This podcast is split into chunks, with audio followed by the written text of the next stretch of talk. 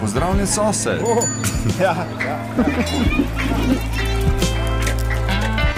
Obrazi, obrazi, obrazi. sosednje ulice. Sosednje.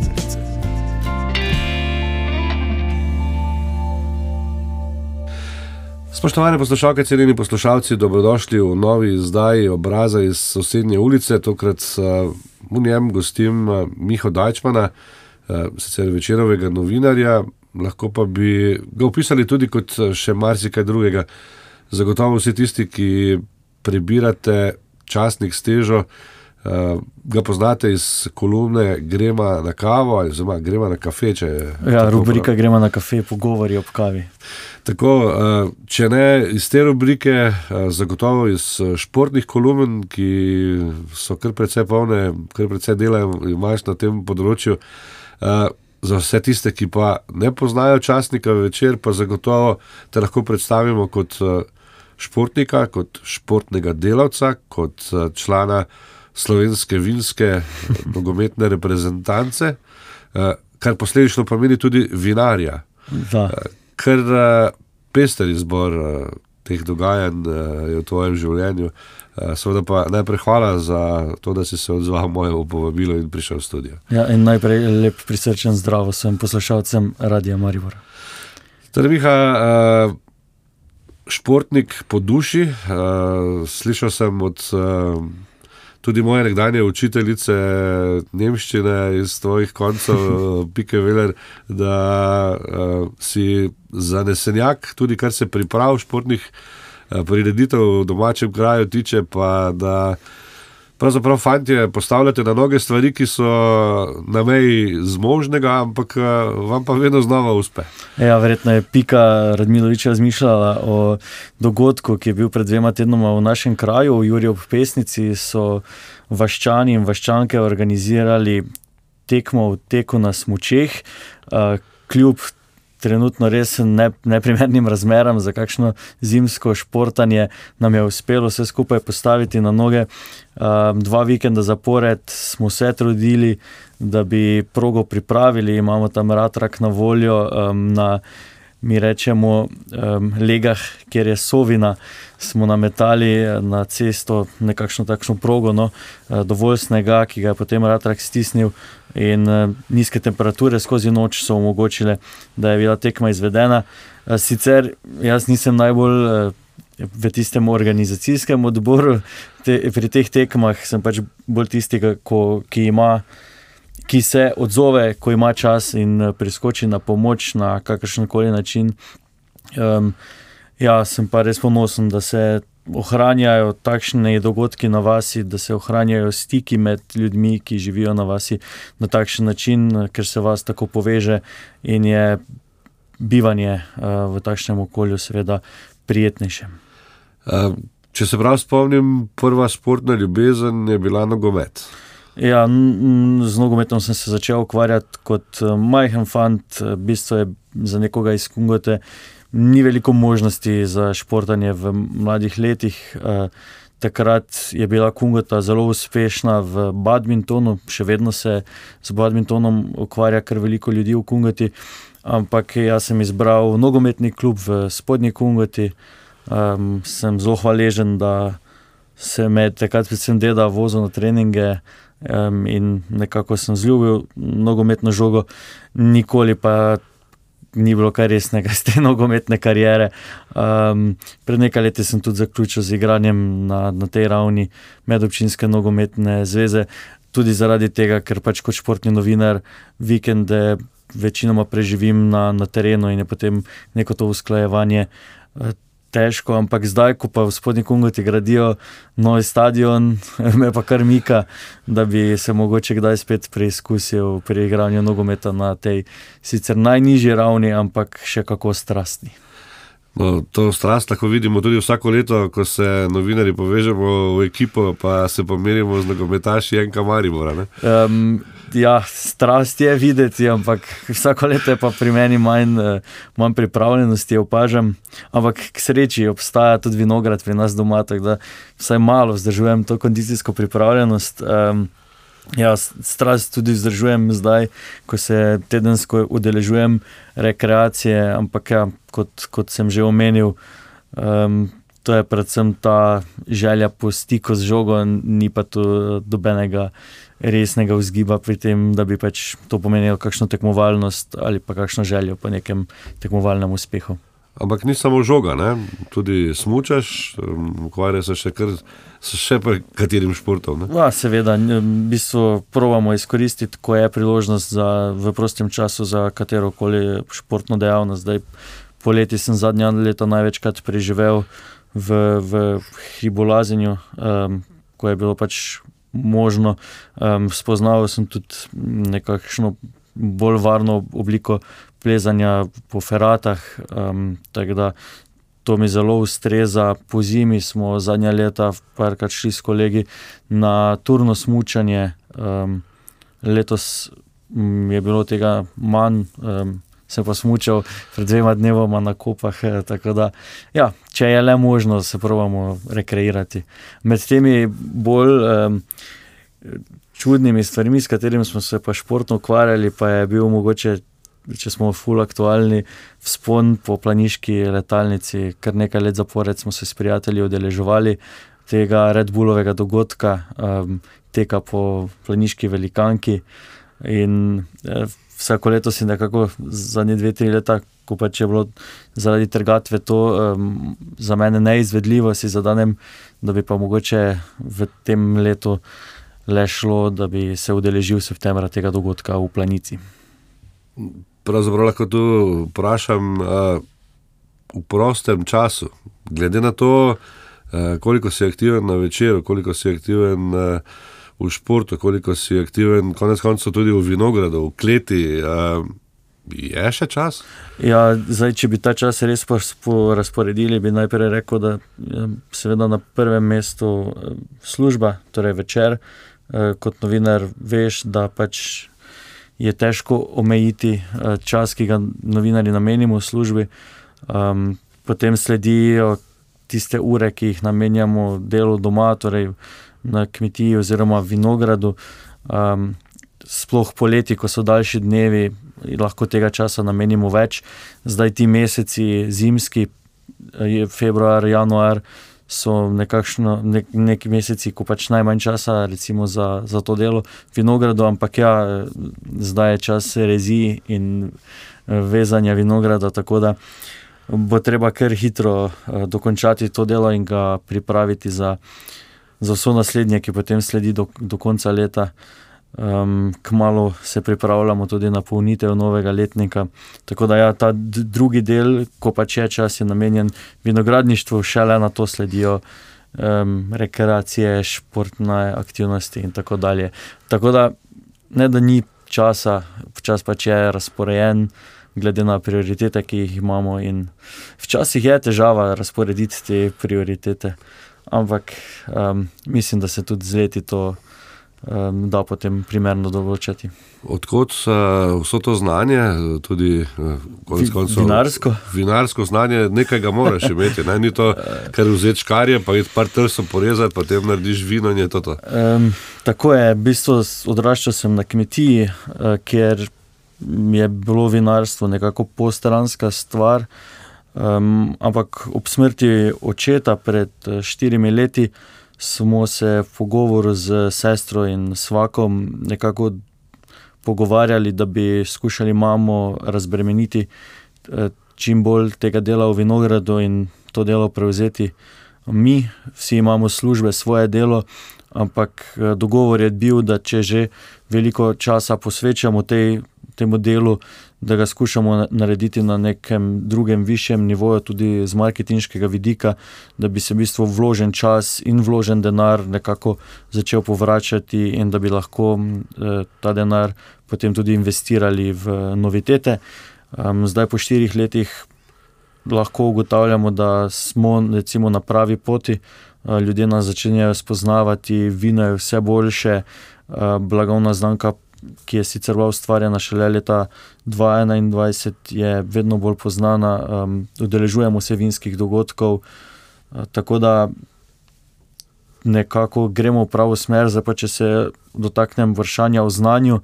Um, skozi leta od otroštva, ko pač smo sodelovali pri delu v Vinogradu, um, seveda se priučiš nekih stvari, ampak nikdar pa to ne vem, neko, neka želja po vina, vinarstvu z moje strani mogoče ni bila izražena tekom odraščanja. Takrat, ko pa smo se dogovorili, da skušamo um, oplemenititi to, kar nam je dano kot članom družine z kmetijo, z vinogradom, smo se pa svakom odločili, da se izobraziva v tej smeri. Udeležila sva se kletarskega in vinarskega izobraževanja na Kmetijsko-gozdarskem zavodu Maribor. Um, tam so nam podali neko osnovno, ampak zelo pomembno znanje. Dobili smo v bistvu tudi certifikat ministrstva, da se lahko ukvarjamo z tem um, poslom. Tako da takrat smo pridobili osnovno znanje, um, v praksi pa potem se pridobiva vse ostalo. Zdaj, če se dotaknem tistega pr prve trgatve, mogoče. Um, Verjetno je malo čudno, ko nekomu razlagamo, kako je bilo takrat. Ne. Mi smo pobirali vinograd v grozdje, um, s traktorjem pripeljali do, do preše in kleti, vse skupaj, za vsakom smo pa za ziger. Eh, gledala še neke diplome na, na Googlu, da smo preverjali, če vse počnemo prav. Učimo se sproti, ampak mislim, da nam uh, kar dobro uspeva. No. Obrazi sosednje ulice. V tokratnih obrazih sosednje ulice gostimo Mihaela Dajčmana, večerovega novinarja, ki je ob uh, udestovanju v športu, kot član vinske reprezentance, tudi vinar, uh, gremo na kafe, pa je njegova nekako, ja, vsaj za me. Uh, ob športu, seveda, najbolj zanimiva, oziroma najbolj prepoznavna zadeva. Kako je nastala ideja za gremo na kafe? Ja, ideja ni nastala na mojem zelniku, nekako v uredništvu. Mislim, da na pobudo odgovornega urednika Matija Stepišnika je prišlo do ideje. Um, razvijali smo jo nekaj časa, tudi ime rubrike, ob katerega se številni, se, se številni spotaknejo, smo izbirali nekaj časa, ampak na koncu pač izbrali enega in rekli, naj pač to bo nek trademark vsega skupaj. Um, kako pa je potem forma nastajala, nič posebnega. Rekli smo, da naj bo to neka sproščena rubrika, ki, ki prikaže v bistvu nek klepet ob kavi v Mariboru z zanimivimi ljudmi, ki delajo v Mariboru, uh, ki poznajo mesto, ki delujejo v njem, um, ki so tukaj morda rojeni ali pa se sem preselili. Tako da format uh, je takšen, da se najprej pogovorimo o, o lokaciji, ki jo je za pogovor izbral sogovornik, nekaj rečemo o kavi. Potem pa se pogovarjamo um, nekaj časa o delu sogovornika, o aktualnih tematikah, zaključimo pa z željami eh, sogovornika za Maribor. Na koncu leta pa od vseh teh 50 pogovorov zberemo te želje in jih objavimo kot nek pregled eh, leta. Tako da, ja, tak, tako izgleda, eh, gremo na kafe. Izbor je čisto na ključen, ali je obstaja kakšen ključ, kdo Skuš, izbira? Skušamo biti um, aktualni, um, ni pa to pravilo. Um, večer, na večeru je zaposlenih veliko ljudi z dobrimi povezavami, z dobrimi idejami, in vesel sem vsakega predloga sodelavcev. Um, vsake toliko pride na moj mail, kakšen predlog, ali pa me kdo pač ustavi v uredništvu in mi reče, ja, ta Mariborčen bi pa bil zanimiv za, za grema na kafe. Dogajalo se je tudi, da so ljudje sami pošiljali predloge, eh, tudi v pismu se je že kdo um, izpostavil, da pa bi želel biti del te rubrike, ker ima kaj zapovedati. Tako da, ja, res uh, mislim, da je kar odmevna rubrika, predvsem zaradi tega, ker kaže to neko pestrost Maribora, ker kaže pozitivne zgodbe, včasih pa tudi opozarja na nekatere problematike. Prijelo se je ne, ta zadeva. Ja, meni je zelo všeč, da, da so odzivi, um, tudi če kdaj niso najboljši. Ampak recimo bil sem na Dagaju pri najbolj vestnem gozdarju um, mestne občine Maribor, pri gospodu Jošku Korenu, uh, koren pri Korošcu, kmetija na Gaju. Um, in takrat je on izpostavil, da pa bi si želel, da bi župan večkrat prišel na Gaj, uh, verjetno Mariborčanke, Mariborčani vejo, kakšne težave pestijo ljudi, um, Brestenica, Gaj in ta del uh, Maribora.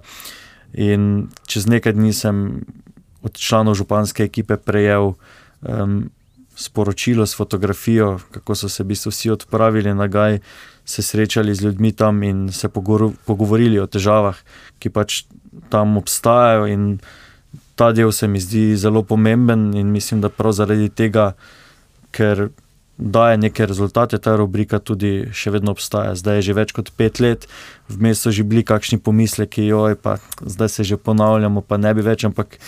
Prav nasprotno, zdaj smo dobili spet obletnico, nov zagon, uh, hočemo pokazati še več dobrih zgodb in veseli smo, da, da jih najdemo vedno znova. Z veseljem pa lahko človek prebere tudi uh, ja, nogometne rubrike v časniku večer. Vedno znova najdeš uh, kakšno zgodbo, ki je morda tudi nam uh, na radiju skrita. Ja, tako je. Zdaj, um, časopisno novinarstvo omogoča, da se nekatere zgodbe predstavijo širše, z nekim daljšim tekstom, in uh, mogoče je tudi ta moja primarna osebna ljubezen do nogometa, ta, eh, ki me pripelje do nekaterih zgodb, eh, ki so morda športnim navdušencem pa skrite, ker do njih nimajo dostopa. Um, vesel sem, da, da se odpirajo te zgodbe. Zdaj, vem, ko sem bil v Turčiji z nogometnim klubom Maribor, mi je tudi klub omogočil, da sem prišel do nekaterih ljudi, ki so del strokovnega štaba in so mi predstavili uh, delovanje uh, teh ljudi, ki so upleteni v nogometni klub Maribor. Tako da vedno mora biti tudi eh, v bistvu nek odziv od tistih, ki so upleteni eh, v te zgodbe, da jih lahko predstavimo eh, javnosti. Ja, ampak ja, tudi strinjam se, eh, zanimive zgodbe. Eh, včasih pač je tako, da mogoče novinar s svojim delom ni. Zadovoljen, ker je pač navadno poročilo, ker je nič posebnega. Ne? Ko pa narediš kaj izven okvirja, kaj, kar je recimo tudi tebe zanimalo, ko si zgod pripravljal zgodbo, um, pa si se tudi sam nekaj naučil. To je potem tisti korak, ko te kot novinarja nekako ti zadosti uh, pri tem delu. Je pa treba ja, tudi nekaj odrekanja je, ne, v tej zgodbi. Ja, je. um, to najbolje, verjetno, ve družina, um, ti vikendi so pač težava, ne? ker v bistvu ni vikenda. Po pravilu, no, ni vikenda v mesecu, ko, ko nisi vsaj malo upet v delo, ali si na tekmi, ali si na terenu, ali dežuraš. Um, um, potem pa, ja, če smo že omenili, da imamo pa še te zadeve v vinogradu z vinom, s prodajo vina, potem pa nanese tako, da, da, da pač um, marsikatera stvar zaradi tega trpi. Ampak ne bom se preveč pritoževal, um, naše delo je, ne, ne bom rekel, lagodno, je pa, je pa razveseljujoče, če ga uh, rad počneš. Veliko stvari vidiš, veliko ljudi spoznaš, veliko se lahko skozi delo naučiš. Um, tako da z veseljem se kdaj, um, če mu odrečem, v zameno za to, da lahko upravljam ta poklic slaba stran, eh, če jo že omenjava, ne, socialno življenje pa nastrada, ne, eh, vse kar se novinarstva tiče, ker takrat, ko imajo ponovadi soboto, nedeljo ljudi piknike, eh, so vidva nekje na terenu. Ne. Ja, ampak lahko pa na terenu tudi spoznaš koga, pa se s kom tam podružiš. Ne.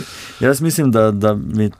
To novinarsko delo ne vpliva negativno na moje socialno življenje, mogoče je celo tega socialnega življenja preveč. Um, sem pač takšne narave, da se pogosto kjer rad zadržim, pogovorim um, še o kakšni temi več, kot bi bilo potrebno.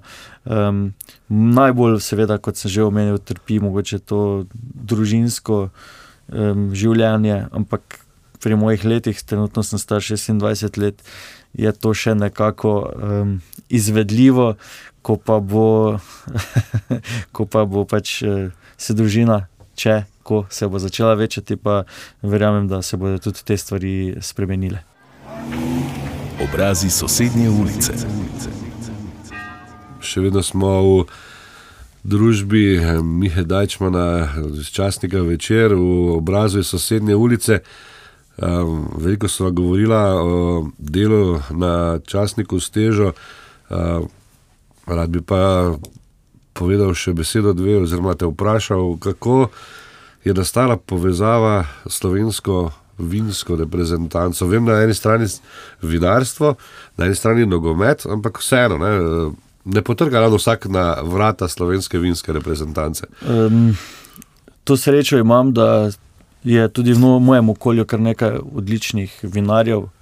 Um, torej, najbližji mi je recimo Matej Vračko, nekdanji nogometaš eh, Maribora, za Maribor je dosegel gol. Tudi v evropskih tekmovanjih proti Birki Kari.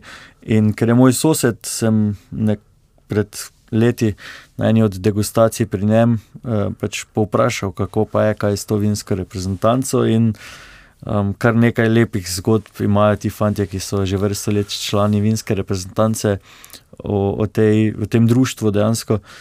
In nekako je potem prišlo do, vavil, do, do vabila, udeležil sem se enega od pripravljalnih tekem, ene od pripravljalnih tekem, potem pa se z njimi odpravil na Evropsko prvenstvo na Češko lani, Tam smo usvojili drugo mesto, Slovenija, mislim, da je štirikrat do sedaj osvojila Evropsko prvenstvo, tako da um, manjše razočaranje za nekatere, ampak vseeno, um, lep teden je bil, um, odlično druženje, spoznavanje dobrih vinarjev slovenskih. Um, res sem počaščen, da sem lahko v njihovi družbi.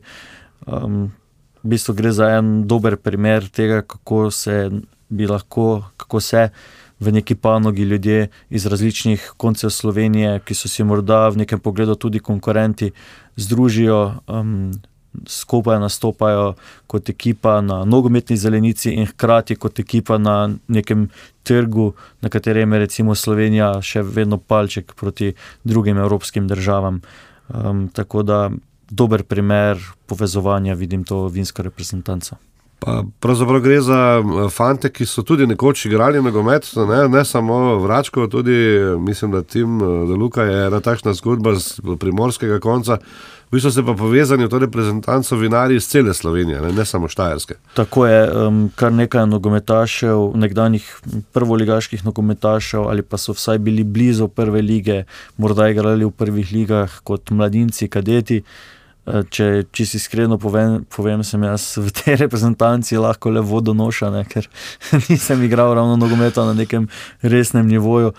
Um, ampak ja, res gre za eh, člane reprezentance iz vseh koncev Slovenije, iz Brtih je veliko, največ seveda iz Štajerske, kjer smo tudi mogoče najbolj nogometu naklonjeni sicer. Um, Pa iz dolenske, kakšen, da, da, da se to pestrost potem pokaže. Um, Tako da, ja, vinska reprezentanca, mislim, da obstaja zdaj že 14-15 let, ravno naslednji teden imamo eh, občini zbor, da eh, pripravimo plane za to leto, v katerem ne bo resnih tekmovanj, naslednje leto pa mislim, da je Evropsko prvenstvo na Siciliji.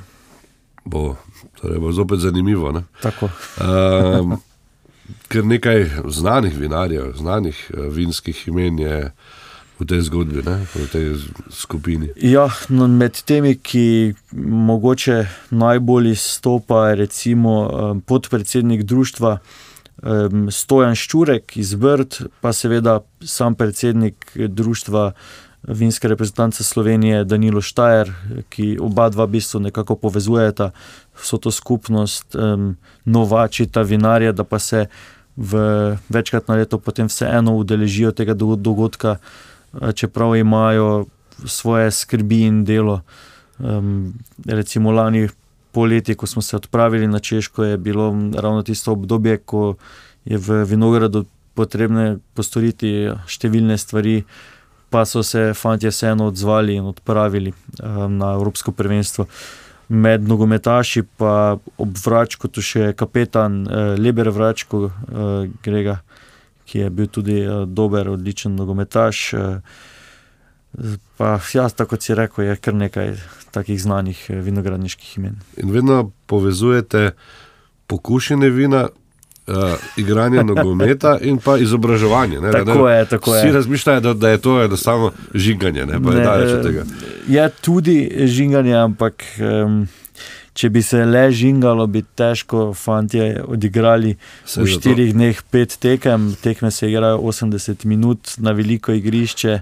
Um, tako da, ko nogometaši prvo ligašev govorijo o utrujenosti, bi jim dal zaigrati um, ta naš sistem tekmovanja. Seveda pa ja, um, po tekmah um, je vedno na voljo uh, pokušina vin iz tujih reprezentanc. Na zadnje je bilo na Evropskem prvenstvu osem reprezentanc in lahko si predstavljate, za kako pestrost um, vin gre. Potem pa seveda tudi uh, kakšna izobraževanja, ne, ki se jih udeležujemo. Um, tako da v bistvu to, uh, ta sklop Evropskega prvenstva prinaša res um, veliko, veliko stvari, ki so koristne za vinarje.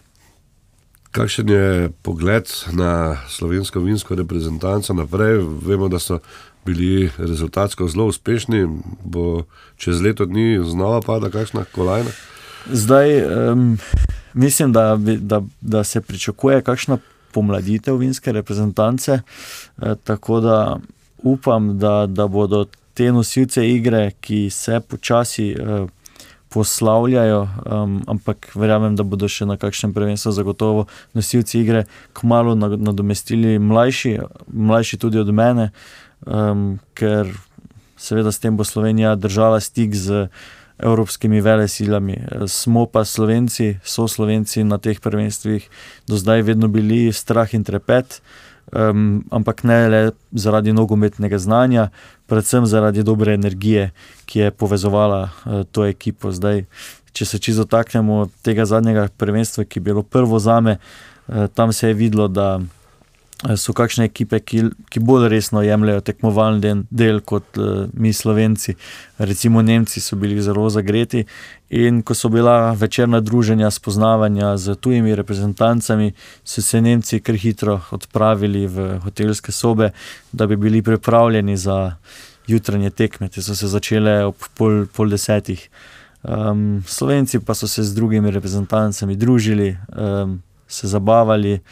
In čeprav smo imeli nekaj manj spadca kot nasprotniki, nas je potem na poti do igrišča zbudila navijaška pesem, um, pesem o igranju harmonike, Klemna, um, Konrada, tudi vinarja ne, iz Jurovskega dola. Tako da um, ta energija je bila tista bistvena. Pardon, eh, če govoriva o vinski reprezentanci in o nogometu, eh, v bistvu nihče, ki igra v reprezentanci, mislim, da so izjeme, en ali dva, maksimalno na ekipo, je lahko aktiven nogometaš. Ne? Vse ostalo morajo, ne smejo igrati aktivno. Ne? Tako je. Um, nogometaši ne smejo biti, če se ne motim, prav v tistem trenutku aktivni. Lahko pa je izjema, da imaš v reprezentanci kakšnega nekdanjega nogometaša, um, ki ni povezan z vinarstvom, je pa omejitev, tako kot um, si omenil, ena ali, ali dve, dve osebi. E, tako da m, težko, da to tekmovanje osvoji nekdo, ki bi eh, infiltriral kakšnega dobrega nogometaša kot vinarja ali kaj podobnega, ker je vsak pred prvenstvom preverjen. So pa na minulem prvenstvu igrali res odlični nogometaši, recimo pri Čehih je bil gost eh, najboljši strelec v zgodovini Češke nogometne lige. Mislim, da je ravno pri 40 letih, tako da še v odlični tudi telesni kondiciji. In on je bil nekakšen jeziček na tehnici za, za tisto končno slavje Čehov na, na domačem prvenstvu. E, recimo pri Italijanih pa so bili del reprezentance nekateri nogometaši, ki so še pred letom ali dvema eh, igrali v seriji B, serije A, eh, nekdani član Udineze, pa zdaj se ne spomnim priimka, je bil recimo najboljši posameznik na igrišču pri Italijanih, ampak naši fantje, ki so recimo igrali cele tekme, so se kar dobro kosali z temi nogometnimi velemojstri. Obrazi sosednje ulice. Še v zadnji del druženja z Miho Dajčmanom, eh, novinarjem večera, vstopamo v obrazih sosednje ulice. Eh, Miha, veliko smo govorili o teoriji, zdaj bomo pa še nekaj o vinarski praksi. Dejal si, da si uh, šel na izobraževanje, da si od malega v vinogradu doma, ampak vseeno, ne, to je krvavo zaslužen denar za, vsi, za vse tiste, ki ne vedo, kako izgleda dan v vinogradu. To lahko traja od jutra do večera, ne, od okupavanja, gnojenja, rezanja, vezanja. Božanja in še kaj, potem pa pride ena zmrzal, pa ostaneš brez vsega. Ja, um, kot smo omenili, ja, zato da lahko pridelaš vino, je potrebno opraviti nekatere izpite. Zdaj, kot otrok, sem vedno bolj po strani, eh, gledal vsa ta opravila, oziroma delal sem to, kar mi je bilo naročeno, nikoli nisem o upravljenem delu razmišljal. Eh, če čisto domače povem, bil sem delovna sila. um, zdaj, ko pa je treba v tem delu razmišljati, pa z vsakom, ki je pri tem našem skupnem projektu, uh, kar gonilna sila, oziroma imamo vsak svoje področje, um, on je bolj za vinski del, jaz bolj za marketing, vseeno pa pač moramo vsi delati vse. Um, se pa kar dosti pogovarjamo, smo na vezi glede vseh potez, vse čas, vse čas, ko ima neke načrte za prihodnost. In ja, dela je ogromno, zdaj, ko bomo, upam, da kmalo končali z rezijo in vezijo vinograda, bo kmalo čas za um, druga upravila, za kakšna prva zimska špricanja in podobno, kasneje, ko začnejo poganjati uh, prve, prve, prva očesa, rodna, potem bo čas za druga upravila, zopet špricanja in ko pride pač do tega, da vinograd ozeleni, je pa tega dela vse več od pletja do. Um, mi rečemo, vrš, da, vršička, ne se reče slovensko, hoče se reči, mi rečemo dolžtuca. Ampak uh, ja, pač, uh, največ dela, seveda, vzame poletje, ko so ta zelena dela. Ko je treba kositi, glede na to, da imamo vinograd, ki ga težko, pač ne moremo ga strojno obdelovati, nam vzame še veliko več ur dela škropljenja vinograda, kot nekomu, ki pač ima vinograd dostopen za strojno obdelavo. Mm, sploh ti poletni dnevi, ki so vroči, eh, so vedno takšni, da se bistvo vinogradu začne delati ob pol petih, petih zjutraj, pa se konča ob devetih, ker kasneje pa že prevroče lahko za, za, za neko delo. Tako da um, ja, tega dela je res ogromno. Marsikdo potem tudi ne vidi tega dela, ki se upravlja v, v kleti, ko se vino pripravlja na polnitev, ko vino zori. Eh, prvi meseci po trgatvi so tisti najpomembnejši, eh, več čas je treba nadzorovati vino, ga spremljati, um, morda kaj pretočiti, ko, ko pride do kakšne napake. Um, mi dva s svakom se pač odločava za čim manj posegov v vino, zato da je pač čim bolj. Ne moremo reči eh, pri konvencionalnih vinih, da gre za naravni postopek, ampak vseeno, manj je posegov v vino, boljše je, vsaj po mojem mnenju. In eh, letos, eh, torej leto, letnik 2022 je bil, glede na um, sladkor v grozdju in glede na, koncu pridobljen alkohol, ko je vse sladkor povrel, res odlično in obeta. In, um, veselim se ga, da ga napolnimo v flaše in ponudimo ljudem. Morda ga je količinsko malce manj zaradi suše, ampak je verjetno kvalitetne. Uh, manj ga je zaradi suše, manj ga je tudi zato, ker se mi dva vsako leto odločava za manjšo obremenitev trd. Včasih so bili na naših koncih pač vinari, vinogradniki navajeni, da trte porežejo za, za veliko obremenitev, da bi bilo količine čim več. Zdaj uh, postaja um, vedno bolj pravilo, da se pač trte ne obremenjuje, eh, da prinaša potem samo kvaliteto v večji meri skozi više sladkorje v grozdju in potencialno večje alkohole v samem vinu. Tako da um, ena stvar da plus, eh, druga minus, ampak vinar se na koncu samo odloči, eh, po kateri poti bo šel. Kakšna vina premore klet na brigu?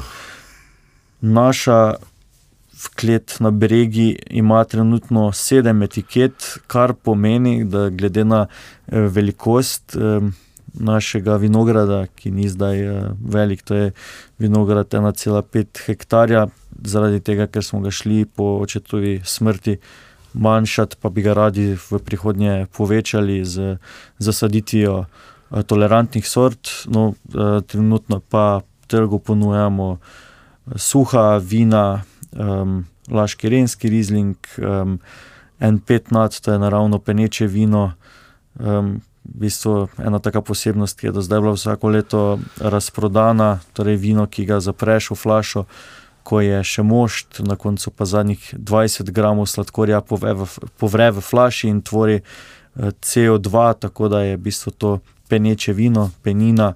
Z ostankom uselin in kvasov, malo motno, ampak eh, zelo sadno, ni pa k temu vino dodan, potem doben um, dobeno žveplo, uh, zato ker je v bistvu zaščita tega vina to, kar je ostalo v samem vinu, torej usedline in kvasovke. To je en tak hit, potem imamo za um, predvsem članice našega. Um, Družinskega kroga, nežnejšega spola, imamo rumene muškate, ki so pač za nekaj ostanka sladkorja. Um, pred enim letom pa smo se odločili, da napolnimo tudi malo zahtevnejšo linijo vin, z renskim rizlingom, ki je bil maceriran in barikiran, in z suvinjonom, ki je prav tako barikiran. Oba pa imata visoko stopnjo alkohola, sta primerna za zorenje, tudi oba imata um, kar močne, eh, močno svežino skozi kisline, kar pomeni, da se bosta dobro pila tudi čez nekaj let, morda vsako leto bolje. Tako da različne uh, etikete imamo, različne sloge, zato ker smo na začetku te vinarske poti in se še malo iščemo. Ampak mislim, da smo zdaj v teh letih že spoznali, po kateri poti bi radi šli. Um, nadejamo se, da bi kmalo obnovili prostore na kleti, da bi morda ponudili nekoč tudi kakšno nastanitveno kapaciteto. Doma imamo svoje meso na kmetiji, tako da tudi tu je nek potencial za kakšne degustacije. Um, ob tem pa bi seveda radi kmalo vinograde, ki so že kar v letih obnovili z tolerantnimi sortami, ki pač potrebujejo manjši obseg uh, škropi, oziroma jih sploh ne potrebujejo. Da, radi bi gledali nekako trajnostno in ohranjali bistvo tradicijo, ki na našem gruntu obstaja že, mislim, da tisoč, uh, iz leta 1860 te zapise poznamo. Um, mogoče zanimivo je, da smo pred leti na, na v hiši, ki je prav iz tega leta, ki sem ga omenil, našli celo priznanje za odlično vino za našega prapradetka um, ali za Dubaja, ki ga je na Dunaju prejel, prejel leta 1910. Tako da, čeprav smo mladi vinari, um, delamo na zemlji, kjer pa je vino uh, tradicija. Oziroma, nadaljujete tradicijo. Tako, tako. Zdaj, prejšnji dve generaciji, um, torej moj oče in moj dedek, um, sta se tega lotevali malo drugače. Mošt in grozdje so večinoma prodali, da so nekaj zaslužili, ohranjali so pa v kleti takšne količine, da se je v bistvu vino popilo doma, nekaj se ga je prodalo v rifuzi.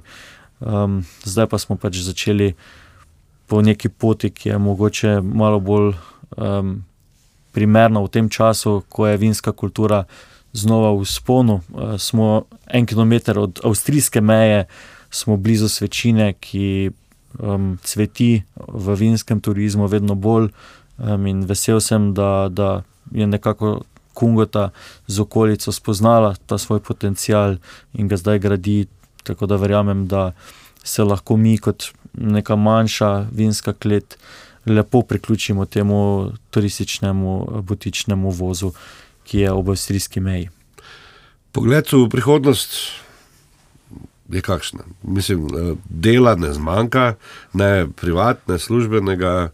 Uh, kje se vidiš? Ja, um, trenutno, um, verjetno se marsikdo sprašuje, ko, ko se pogovarja z novinarjem ne, o prihodnosti njegovega poklica, sploh ljudje, ki smo zaposleni na večeru, smo bili o tem večkrat povprašani v zadnjih mesecih. Um, tiskani mediji trenutno niso v najboljši situaciji, ampak večer obstaja že 77 let in verjamem, da se ne bo stemnilo za večer, kaj kmalo. Um, še vedno ima v svojih vrstah številne entuzijaste, ljudi, ki dobro opravljajo svoj poklic, ki spoštujejo tudi tradicijo večera in verjamem, da bo večer ustrajal, um, v bistvu ostajal ta steber Maribora, kar je že vrsto let, mislim, da brez večera, pa tudi RTV centra Maribor, bi Maribor bil na veliko slabši poti, kot je, kot je trenutno.